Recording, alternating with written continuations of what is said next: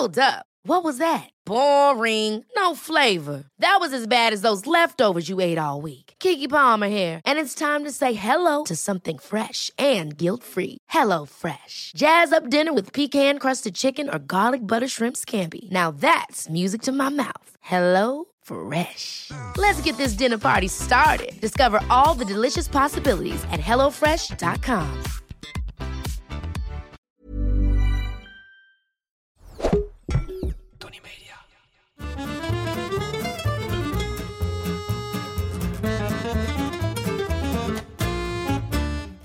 ben Julius Jaspers en ik ben meer dan dol op eten.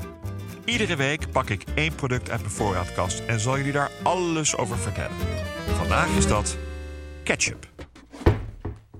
Als ik erover nadenk, en nog sterker als ik ketchup intik op de zoekfunctie van mijn receptenbibliotheek, kom ik het best vaak tegen. Ik vind het best lekker, maar het is niet zo dat ik het bij iedere maaltijd eet. Wat ik sneller doe met bijvoorbeeld mosterd of mijn nieuwste guilty pleasure, de chili crunch. En koop dan dat potje waar op de voorkant dat mannetje staat in een soort ovaal schilderijlijstje.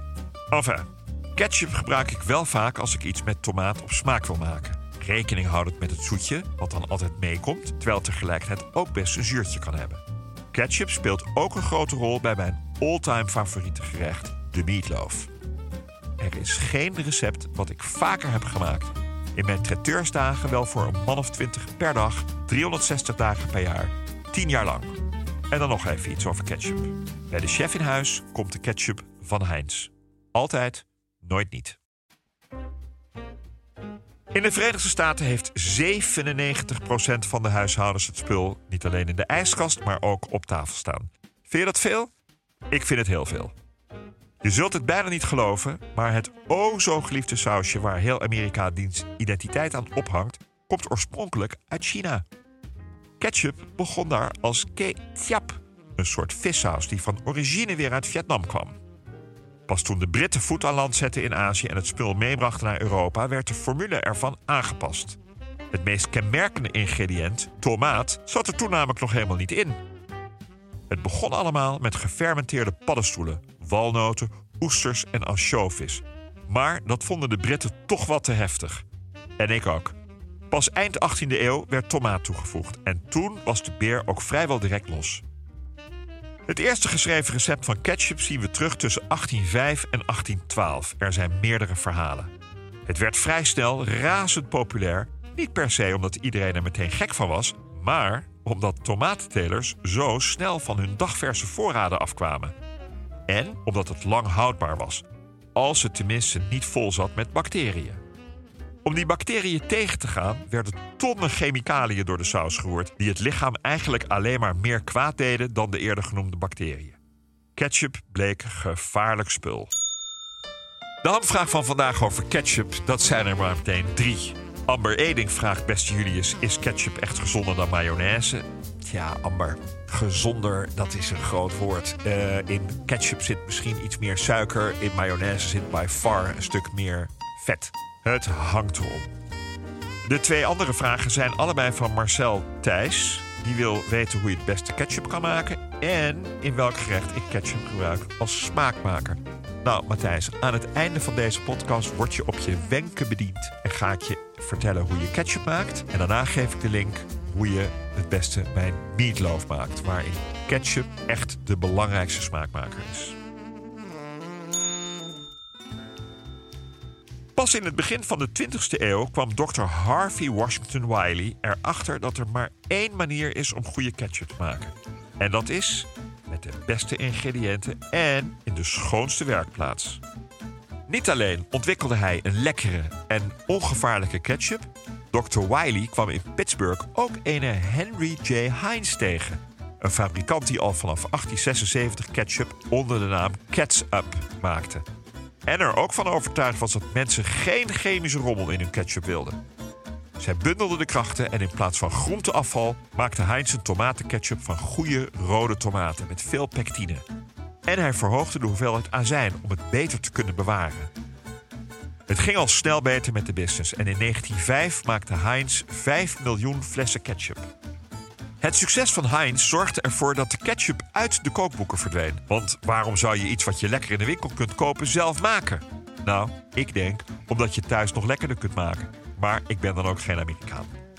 Lang verhaal kort, het is een mega succes geworden. Elke Amerikaan koopt jaarlijks drie flessen Heinz, dus dat loopt aardig in de papieren. Natuurlijk is het recept geheim, wat denk je zelf? Maar denk allereerst aan tomaat. En dan aan piment, kaneel, kruidnagel, foelie en cayennepeper. En natuurlijk ook aan peper, gember, mosterdzaad, selderijzout, mierikswortel en bruine suiker. Kwestie van licht verwarmen en mengen et voilà. Maar niet heus. Gaat om de verhoudingen, lieve mensen. De ketchup van Heinz gaat het nooit worden. Maar lekker wordt het vast wel. Let maar op. We doen even een ketchup-receptje uit de hand. Dus pak een pen of luister het straks even terug. Laat 250 gram suiker licht karamelliseren. En blus af met 250 milliliter rode wijnazijn. Voeg 140 gram tomatenpuree en 50 gram glucose toe. En daarna 2,5 kilo in blokjes gesneden tomaat. Lekkere tomaat. Dan wordt het namelijk ook lekkere ketchup. Breng tegen de kook aan en voeg dan een theelepel Colmans mosterdpoeder, een theelepel kaneel, een theelepel komijnpoeder en een theelepel piment toe. Laat een half uurtje zacht pruttelen. Breng op smaak met zout en peper en passeer de hele saus door een zeef. Laat afkoelen. Maar bedenk je dat ketchup koud een stuk dikker is. En feel free om de smaak te laten beïnvloeden door de eerder genoemde specerijen. Ketchup is een moppetrommel in de keuken. Het biedt zoet, maar ook zuur en in de verte de smaak van tomaat. Het is een smaakversterker, maar je kunt er bijvoorbeeld ook een saus wat mee binden. Het is eigenlijk een onontbeerlijk condiment, ondanks dat ik het niet dagelijks gebruik. Ik kom overigens nog even terug op die statement over de one and only Heinz... dat je bij mij niks anders in de keuken vindt. Dat is niet helemaal waar, want ik heb tegenwoordig ook ketchup van Verstegen in huis. Want die heeft veel minder suiker. 6,5 in plaats van 23 gram per 100 gram saus. En dat scheelt behoorlijk wat in de calorieën.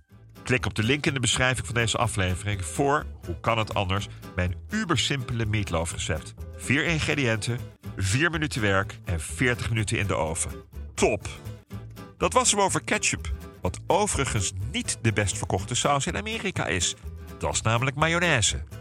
Wil je meer weten over iets in je voorraadkast? Stuur me dan een berichtje via Instagram. Of ik weet het al, of ik zoek het voor je uit. Maar ik geef altijd antwoord. De volgende keer heb ik het over bacon. Dag.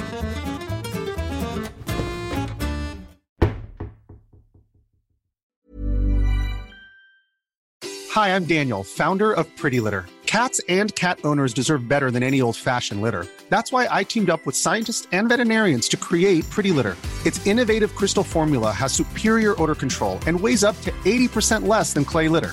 Pretty Litter even monitors health by changing colors to help detect early signs of potential illness. It's the world's smartest kitty litter. Go to prettylitter.com and use code ACAST for 20% off your first order and a free cat toy. Terms and conditions apply. See site for details.